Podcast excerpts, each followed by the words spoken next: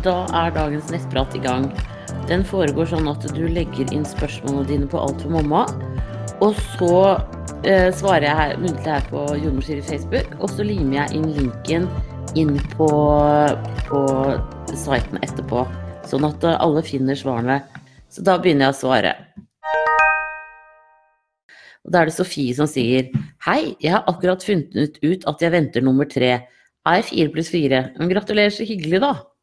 Jeg har to hastekeisersnitt bak meg, og fikk beskjed på siste keisersnitt at livmorveggen min var tynn, og jeg hadde sammenvoksninger av blære og livmor og mye arrvev. Ble derfor litt bekymret nå for dette svangerskapet, som ikke var planlagt, og om det er noe spesielt jeg bør tenke på, ta hensyn til. Antar at jeg må ha keisersnitt denne gangen også. Ja, det vil jeg nok eh, tro at du må ha. Og så vil jeg også tro at du skal følges opp spesielt nå i denne graviditeten med litt flere ultralyder og sånn, for å se hvordan eh, det eventuelt ligger an med de sammenvoksningene. Noen ganger så kan det avta, og noen ganger kan det øke. Men det er uansett liksom på en måte eh, noe å være obs på, da. Så jeg tenker at du bør komme deg til jordmor så fort som mulig nå, og så få en henvisning videre. Og nå er vi såpass tett oppunder jul, og du er såpass tidlig at det, det er ikke noe liksom eh, veldig viktig å komme seg til en ultralyd nå, men det er viktig at du får blitt sett på sånn etter jul en gang. Jeg har ikke helt inne rutinene for når de ser på hva da. Så, så ta kontakt med jordmor nå og få en time. Du har rett på time innen en uke etter at du tar kontakt, og så, sånn at dere kan avtale en plan videre. Eh, og så kan det jo hende, antagelig så hadde du jo dette ved siste graviditet også, men at du kanskje da får litt mer eh, voksesmerter enn det folk flest får. Eh, sånn at Jo, jeg tror du kanskje hadde det sist, siden du har to keisersnitt bak deg. Men det, det, det, er jo ikke veldig viktig i det hele tatt. Men så, som sagt, kom deg av gårde. Det tenker jeg er, er det aller, aller lureste. Da ønsker jeg deg riktig lykke til videre, og tusen takk for at du følger med her. Ha det bra!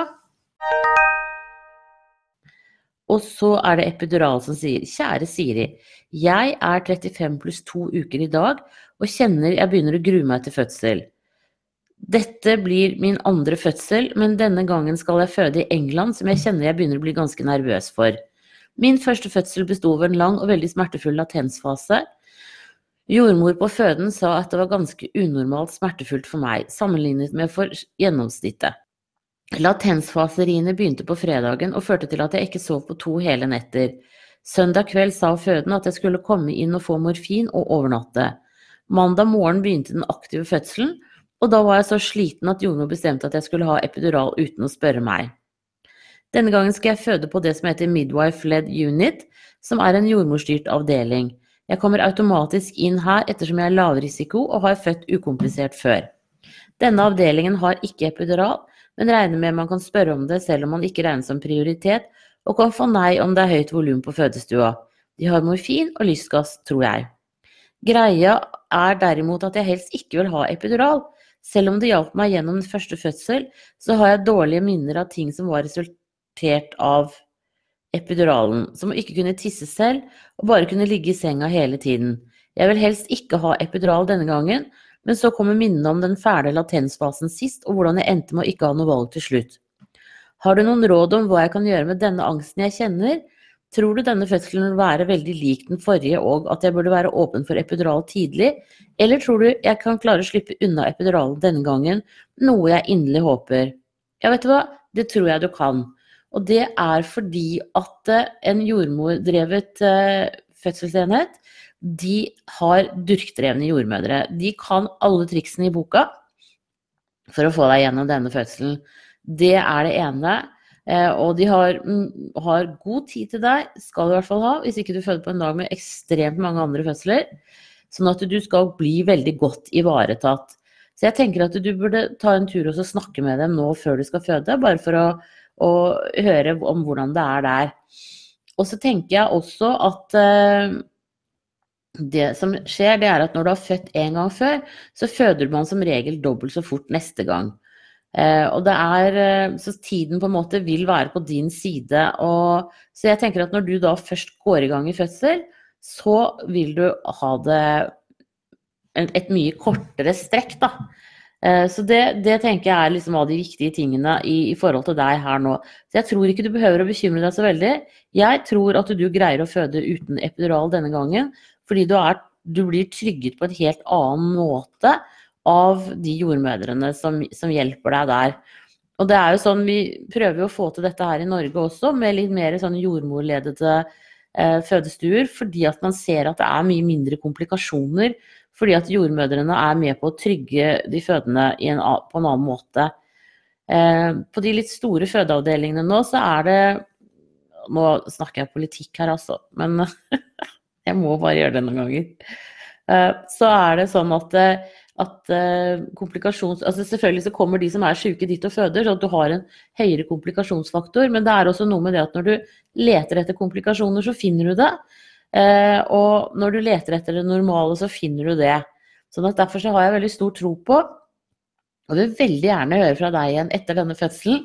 Men jeg har veldig stor tro på at du kommer til å føde normalt denne gangen, og at du kommer til å ha en helt annen opplevelse.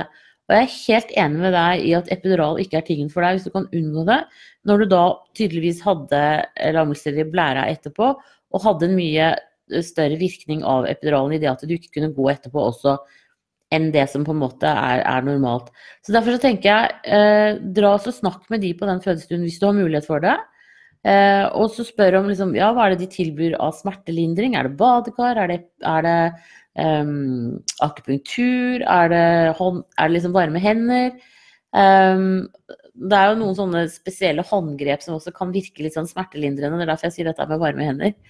Um, hvordan er det der, liksom? Også i tillegg til at du på en måte du, Da får du liksom en feeling av, av stemningen der også, da. Så, så, det tenker jeg du kan gjøre, og da kommer du til å få ned skuldrene litt. Så jeg tenker at liksom fokuset ditt bør være nå at ja, denne gangen skal du føde eh, normalt uten epidural, og dette kommer til å gå kjempefint. Eh, det er jeg relativt sikker på. Altså. Selvfølgelig kan jeg ikke garantere noe som helst, men i og med at at du liksom ikke har så lyst på epidural, så tenker jeg det er en veldig god driver i seg selv. Og at det, med, med, litt god hjelp så kommer du gjennom latensfasen litt fortere eh, og på en annen måte. For det, ikke sant, Når du føder første gang og du går og trør alene hjemme og syns du har vonde rier Du skulle jo vært inne på føden for lenge siden eh, forrige gang for å fått litt bedre hjelp enn, en det du på en måte gjorde. Så jeg tenker at eh, også denne gangen, da, når du skal føde, så ta, tid, ta kontakt med dem litt tidlig. Bli sjekka, altså reis heller hjem en tur. Men liksom pass på det at du er, føler deg trygg og ivaretatt gjennom hele fødselen. Det er eh, superviktig, og det gjør jo også da at man på en måte slapper litt mer av og ikke spenner seg så veldig. For at når du spenner deg, så får man også bli smerteopplevelsen også større. Så derfor, jeg har trua på deg. Jeg, jeg tenker at dette kommer til å gå veldig mye bedre. Da ønsker jeg deg riktig lykke til videre, og tusen takk for at du følger meg her. Og som sagt, send meg gjerne en liten melding enten her på nettpraten eller på mailen til meg og fortell om hvordan det gikk, for jeg syns det er litt spennende. Ha det riktig bra. Og så er det sukkervann. Hei, hva tenker du om sukkervann til baby? Bivirkninger? Eh, altså Sist gang jeg var med på å gi sukkervann til babyer, så var det fordi at de ble omskåret. Eh, sukkervann er en smertelindrer, eh, men det er jo også på en måte tomme kalorier, kan du si. da. Så hvis det er fordi at babyen er tørst og sånn, så hadde jeg heller bare gitt vanlig vann. Bare koke opp vanlig vann og avkjøle det og ha det stående i kjøleskapet. Og etter hvert som babyene blir større, så kan du gi, altså fra de er en måned og eldre, så kan du gi vann rett fra springen.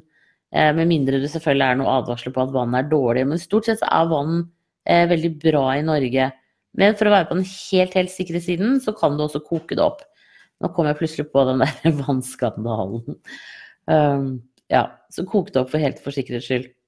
Uh, men jeg tenker at baby ikke skal ha sukkervann med mindre det er en uh, god grunn til det. Um, så kom gjerne tilbake til meg og fortell hvorfor. For nettpraten er jo oppe helt frem til ti. Så du kan jo gjøre det. Så skal jeg heller se det i forhold til en sammenheng. Da ønsker jeg deg riktig lykke til videre, og tusen takk for at du følger med her. Ha det bra! Og så er det Forvirret83 som sier Hei!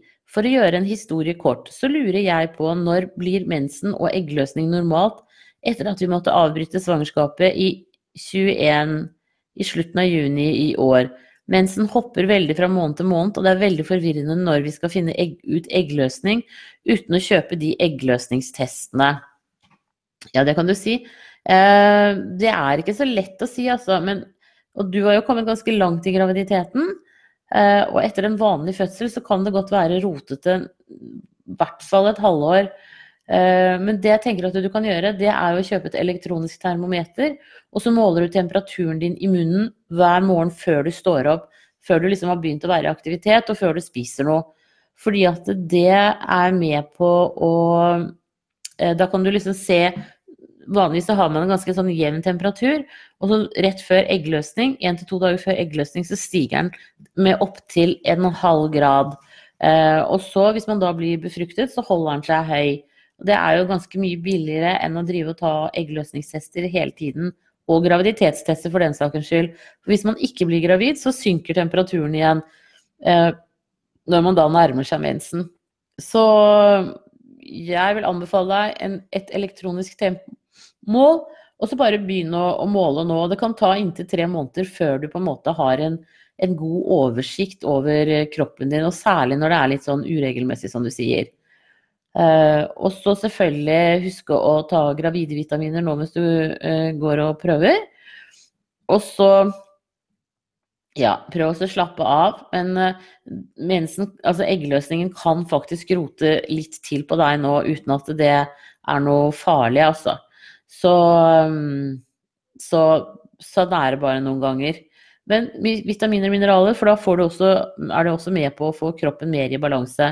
Hvis det varer til over ja, si ut januar, da, så tenker jeg at da kan du dra til fastlegen din, og så kan du få målt hormonene dine.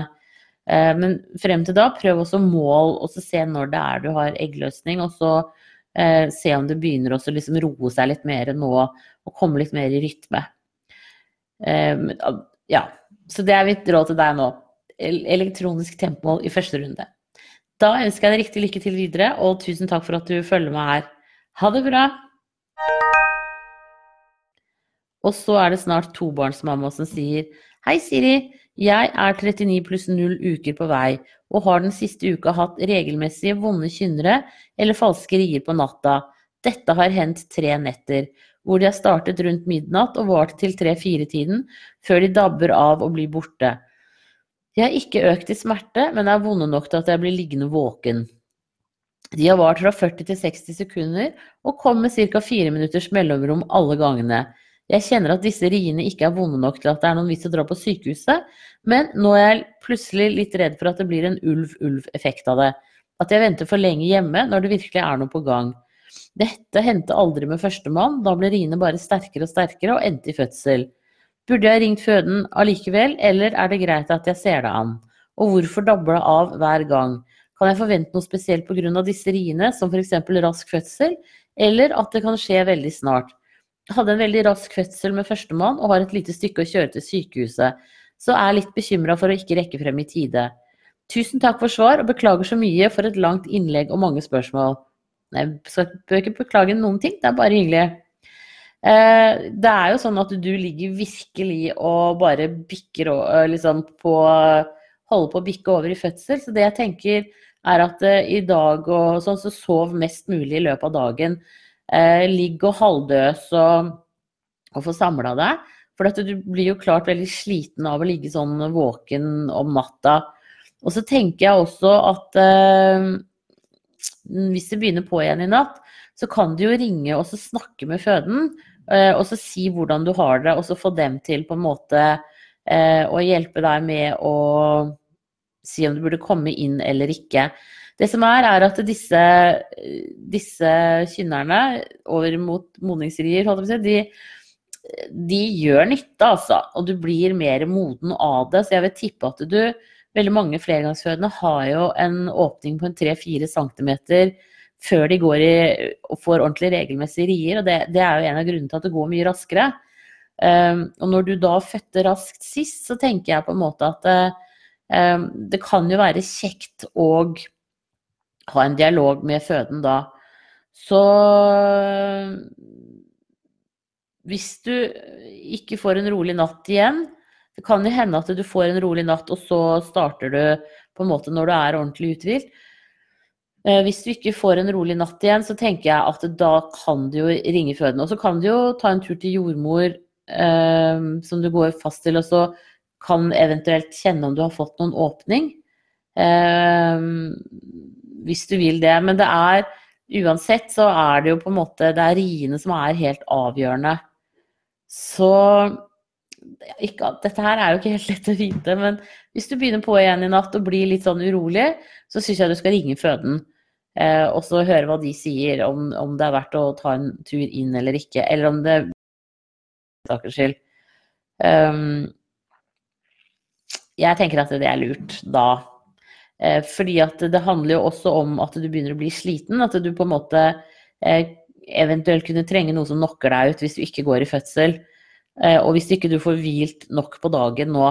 Så det aller, aller viktigste for deg er å, hvile mye i dag og samle krefter. Og så, eh, hvis du begynner på igjen i natt, så, så, ringer du dem bare, og så snakker du med dem, tenker jeg. At det kan være ålreit. Hvis det er sånn at eh, riene dabber av hvis du reiser deg opp og går litt rundt, så er det klart at da, da gjør det jo det. Men ja, nei, ring dem i natt hvis du begynner på igjen. Eller når du begynner på igjen, og, og, du er litt usikker på hvordan dette her går. For det er det der med reiseavstand og, og rask fødsel sist som på en måte eh, også er noe å ha med da, i, i, denne vurderingen. Da ønsker jeg deg riktig, riktig lykke til videre, og da føder du i hvert fall helt sikkert før jul. Det kan vi si med trygghet. Så ønsker jeg deg lykke til. Ha det bra! Og så er det nettopp blitt gravid som sier Klarte å dette ned de nederste trappetrinnene, men slo høyre armen ganske godt fremdeles. Og jeg kjenner jeg slo ryggen også litt. Er bare i uke fem. Ja, jeg tenker at du sikkert lurer på om, blitt, om det er farlig for babyen. Det er det ikke. Eh, babyen ligger trygt og godt nede i bekkenet helt frem til ut uke tolv omtrent. Da begynner livmoren å komme opp av bekkenet. Så akkurat nå så er det bare deg selv du har slått. Og det hørtes jo ikke noe godt ut. Og det er jo så isete rundt omkring nå. Så for dere der hvor det er is altså Jeg hadde investert i brodder, altså det er utrolig usexy alt som er. Eller sko med pigger på. Men det er så mye lurere å være litt godt forberedt på denne glatta. Um, og ikke minst fordi dere kan jo brekke både armer og bein eh, nå. Og når man er gravid, så får man også litt sånn slakkere sener og muskler. Det gjør at man på en måte Kroppen ikke reagerer like raskt som den gjør ellers. Eh, og i tillegg, så når dere begynner å få mage, så endrer balansepunktet seg. Og det også gjør at det er lettere å falle. Så derfor så tenker jeg at eh, brodder, folkens, brodder eller pigger, en veldig god investering. Da ønsker jeg deg riktig lykke til videre, og tusen takk for at du følger meg her. Ha det bra! Og så er det igangsetting som sier Hei, er det rett at jeg bør bli satt i gang noen uker før termin pga. min alder eh, 39? Barna er estimert til 4 kilo ved termin. Det er mitt første. Eh, det syns jeg er veldig vanskelig å svare på, fordi at det, her er det individuelle forskjeller. Sånn at eh, jeg regner med at de, eh, de tar hensyn til det. Eh, så dette må du diskutere med de som har bestemt at du skal settes i gang. Og det er klart at har du spesielle ønsker i forhold til det, så, så, så er det jo din kropp og din baby. Så de må høre på deg. Men du må også høre på dem i forhold til argumentasjonen på hva det er de sier, hvorfor det er lurt og sånn. For her er det store individuelle forskjeller også. Jeg ønsker deg riktig, riktig lykke til videre, og tusen takk for at du følger meg her. Ha det bra! Og så er det utflod i syklus. Hei! Vi fant ut at vi skulle prøve på fjerdemann denne måneden. Tidligere har jeg hatt 33-35 dagers syklus med relativt mye eggløsningsslim. De to siste periodene har jeg faktisk hatt mindre blødninger under eggløsning. Denne derimot denne måneden derimot kan jeg ikke huske å ha sett noe til slimet. Har derimot hatt en del stikninger i eggstokkområdet, men jeg har også hatt litt kløe i forbindelse med samleie. Mannen er sjømann, så det kan ofte gå litt tid mellom tenker dette kommer av endret flora. Det jeg lurer på er om jeg kan ha fått soppinfeksjon, og at dette utsetter eggløsning, eller om jeg rett og slett har hoppet over en. Tiden vil vise. Fortsatt en uke igjen til forventet mens. Kan det være sånn at utfloden endrer seg, blir fraværende, dersom det er sånn at jeg har blitt gravid? Det kan det helt sikkert. Eh, det at det tikker på den ene siden, er jo ofte at det gule legemet lager eh, graviditetsbevarende hormoner. Eh, men om det er liksom på begge sider, eller litt sånn mer generelt, så kan det også handle om at, at, du måte, at det er eggløsningen som er på gang. Da. Sopp er ikke noe farlig, det er bare ubehagelig. Og du kan kjøpe sånne soppdrepende midler på apoteket. Eh, og så smører du deg med det. Og det kan jo hende at eh, mannen din også har fått litt sopp. Eh, hvis du klør en del, så kan det jo hende at han også gjør det. For det er jo litt sånn Vi har jo sopp alltid, alle sammen, men noen ganger så tar det litt over. Eh, og det er type sånn samleie og sånn, hvor det er mye gnisninger, at man selvfølgelig da får litt mer rifter i slimhinnen. Eh, det, men det er ikke noe farlig. Så bare bare eh, kjøp noen sånn soppdrepende midler, du. Så gjør det susen, helt sikkert. Eh, men det kan jo bli spennende, da. Det er lurt at du begynner å ta gravide vitaminer nå. Og så får vi jo krysse fingrene. Det kan hende at du har blitt gravid, men ja, det er litt vanskelig å si. Da ønsker jeg deg riktig lykke til videre, og tusen takk for at du følger meg her. Ha det bra. Og så er det overgang fra to til tre. Lurer på overgangen fra to til tre, hvordan det er. Nummer én er fem år. Nummer to er åtte måneder. Og nå kommer en til i juli-august. Eh, blir to veldig tette. Hvordan er det å få barn så tett til hverandre, så redd jeg ikke klarer å strekke til for alle barna? Eller at mellomste skal bli glemt erstattet av nummer tre. Håper du forstår hva jeg mener er så redd det kan skje, siden vi nå blir mindretall når det gjelder voksne i forhold til barn. Min største frykt er å ikke klare å følge alle opp. Ja, men det skjønner jeg godt. Og det jeg tenker, det det, det heter når du får to så tette, da, ehm, det er at det heter noen ganger Man kaller det pseudotvillinger. De er ikke egentlig tvillinger, men de er så tett på hverandre at de på en måte kunne ha vært det. Så de to tette, de kommer til å ha det kjempegøy de kommer til å underholde hverandre etter hvert og, og helt sikkert eh, ta litt av showet. Men, men, det gjør også at du på en måte eh, får litt sånn, si, litt sånn drahjelp, da. Eh, så jeg tenker at det, det behøver du ikke å, å være veldig bekymra for. Nå er det jo også på helsestasjonene mye prat om dette med søskensjalusi og det å få flere søsken og sånn, så jeg tenker at eh, kan du ikke snakke med helsesykepleier om det? Eh, og så, For de har faktisk litt mer greie på det enn meg. Og så kan du jo også høre inne på Alt for mamma på søskenforum der. Jeg kan legge en link til deg etterpå, og så kan du eh, eventuelt legge ut spørsmålet ditt der. Eh, for nå ser jeg bare i dag så er det jo mange flergangsfødende som stiller spørsmål. Eh, sånn at det er helt sikkert flere som tenker det samme som deg. Så legg det ut på Alt for mamma. Der er du jo anonym, ingen som vet hvem du er. Og så kan jeg ta og lufte det på, på Facebook etterpå også for å, se, for å nå litt flere. Så jeg tenker at ja, det er klart at, at, det blir slitsomt, men så kommer det til å roe seg, og så kommer de til å ha det helt superbra sammen. Uh, alle tre. Og det er klart at den som er fem år, kommer definitivt til å være eldst. Men så kan det jo være greit å gjøre litt ting alene med den, da. At dere som foreldre også deler dere litt, at, dere, at det går bra. Og den i midten eh, har jo i hvert fall deg nå, da. Eh, men at man liksom Dere må se det an. Dere må se an dynamikken mellom barna. Eh, for de også har jo sin egen lille personlighet. Eh, så litt sånn vanskelig å si, men hør inne på, på forumet, eh, søskenforumet, og så se om det er andre som har gode råd å gi. Eh, men jeg tenker at eh, man vet aldri på en måte hvordan disse barna er og hvordan det blir. Og det, så sånn sett så må man bare være litt åpen for det. Eh, men at det er veldig hyggelig med tre barn, det er jeg helt sikker på. Litt mer å gjøre på enn med to, men absolutt hyggelige. Så da ønsker jeg riktig, riktig lykke til videre, og tusen takk for at du følger meg her. Og beklager at jeg kan ikke liksom Det er ikke noe sånn veldig fullgodt svar jeg kan gi på dette. Ha det riktig bra. Og så er det Siri som sier hei. Jeg har nettopp funnet ut at jeg er gravid. Fire pluss to. Har knallsterke tester og er veldig glad for det.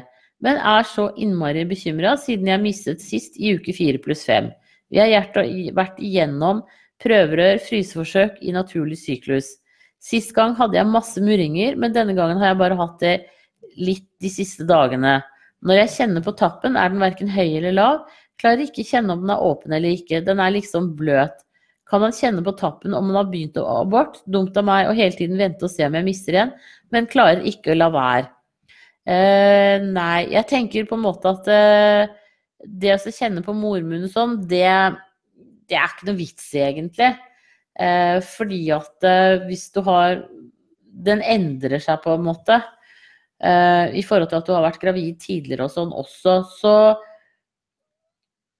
um, det er klart at den skal jo trekke seg oppover og bakover, men akkurat når det skjer, det er jeg liksom litt sånn usikker på. Eh, og det er klart at det, det, liksom det beste tegnet, eller sånn, hva skal man si Det er jo ikke noe godt tegn, men det med blødning er jo tegn eventuelt på en abort. Eh, jeg hadde ikke prøvd å lese så mye ut av mormunnen på, i forhold til det, egentlig. Uh, men jeg skjønner at du er veldig spent, og det er jo, uh, er jo veldig positivt at du har knallsterke tester, for det betyr at du da ligger du jo høyt på HCG-produksjon.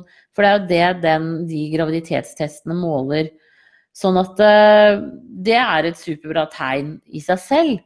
Og, og, det at du ikke har fått mensen, er også et veldig godt tegn. nå er det jo sånn at graviditetssymptomene kan liksom variere både i mengde og intensitet.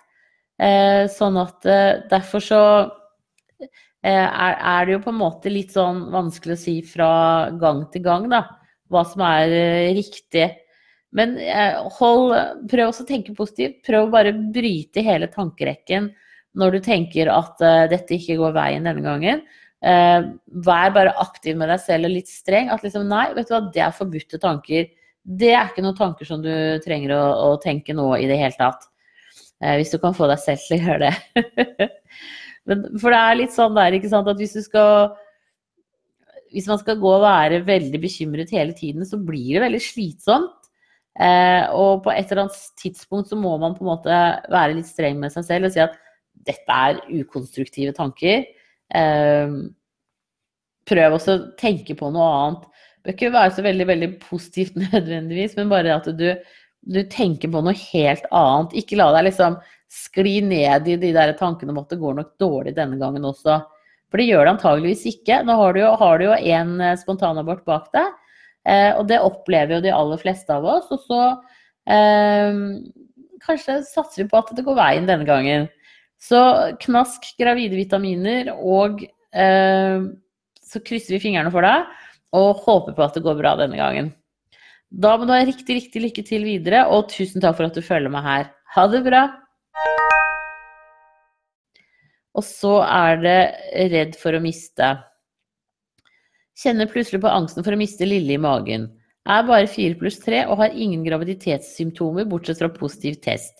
Tar også litt lettere til tårene, tror jeg. Det er et graviditetssymptom.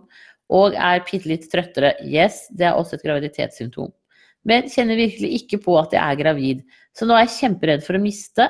Sist graviditet var jeg kvalm hele første trimester. Ja. Nå skal jeg si at De dårlige nyhetene er at kvalmen stort sett kommer sånn rundt uke 7 til 8. Eh, det kan også være forskjell på kvalme i forhold til babyens kjønn, uten at jeg skal love noe der. Og så er det også sånn at når du har vært gravid tidligere, så blir ikke nødvendigvis graviditetssymptomene så sterke den andre gangen. Du vil kunne få andre symptomer, og så vil det kunne variere. Eh, det vil jo alltid, både i styrke og mengde. Eh, så her er, her er det bare å nyte det. Hvis du var kvalm fra første start sist, Så bare nyt at du ikke er kvalm denne gangen. Eh, det må jeg bare si. Så vi hører jo så lite om de som er helt friske, ikke sant. Alle skal jo på en måte lide litt når de er gravide. Men noen er faktisk kjenner ingenting. Og det går akkurat like fint. Eh, det er bare at vi hører ikke så mye om det. Det er faktisk ikke mer enn rundt 30, altså 70-80% kan være kvalme i, eh, i første trimester, men da har du jo en 20-30 som ikke er det i det hele tatt. Så kanskje du er på den siden denne gangen. Det kan vi jo håpe. Da ønsker jeg deg riktig, riktig lykke til videre, og tusen takk for at du følger meg her. Ha det bra. Og så er det Maja som sier Hei, jeg er ca. ti uker på vei. Så et bankende hjerte på ultralyd i 8 pluss 2. Til nå har jeg vært ganske så kvalm. Men det er lettere. Jeg har også ca. annenhver dag kjent stikning i høyre eggstokk, noe jeg vet er et bra tegn. Men nå er det mange dager siden jeg kjente det sist. En stund siden jeg kjente ligamentstrekk, voksesmerter også.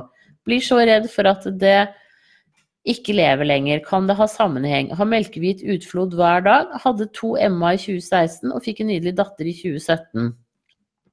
Ja, nå er du ti uker på vei, og da er det sånn at nå begynner morkaken å ta over eh, produksjonen av eh, graviditetsbevarende hormoner fra liksom ja, nå utover. Um, sånn at eh, jeg, jeg vil tro at det er det som er sammenhengen.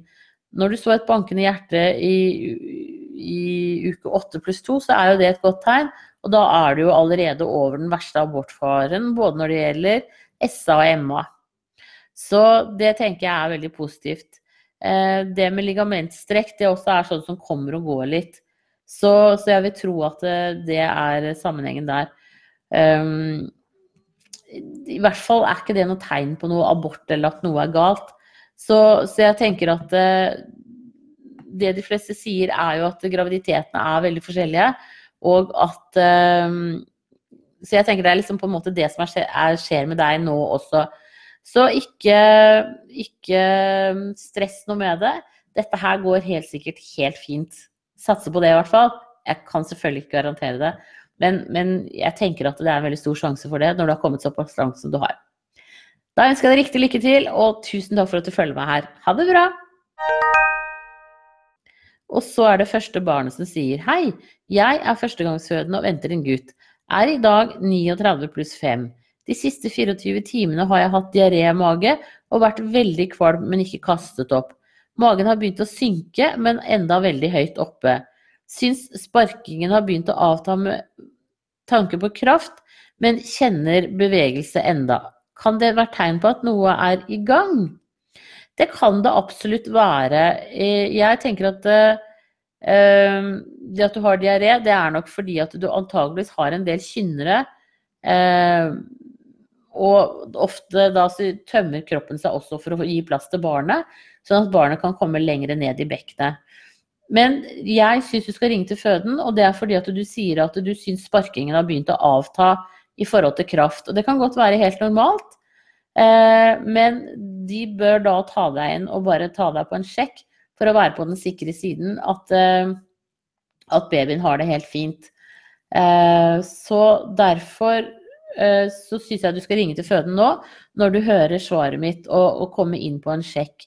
Det er på en måte den der fasen hvor babyens hode går ned i bekkenet, er en litt sånn kan du si, sårbar fase i forhold til navlesnorer og sånn.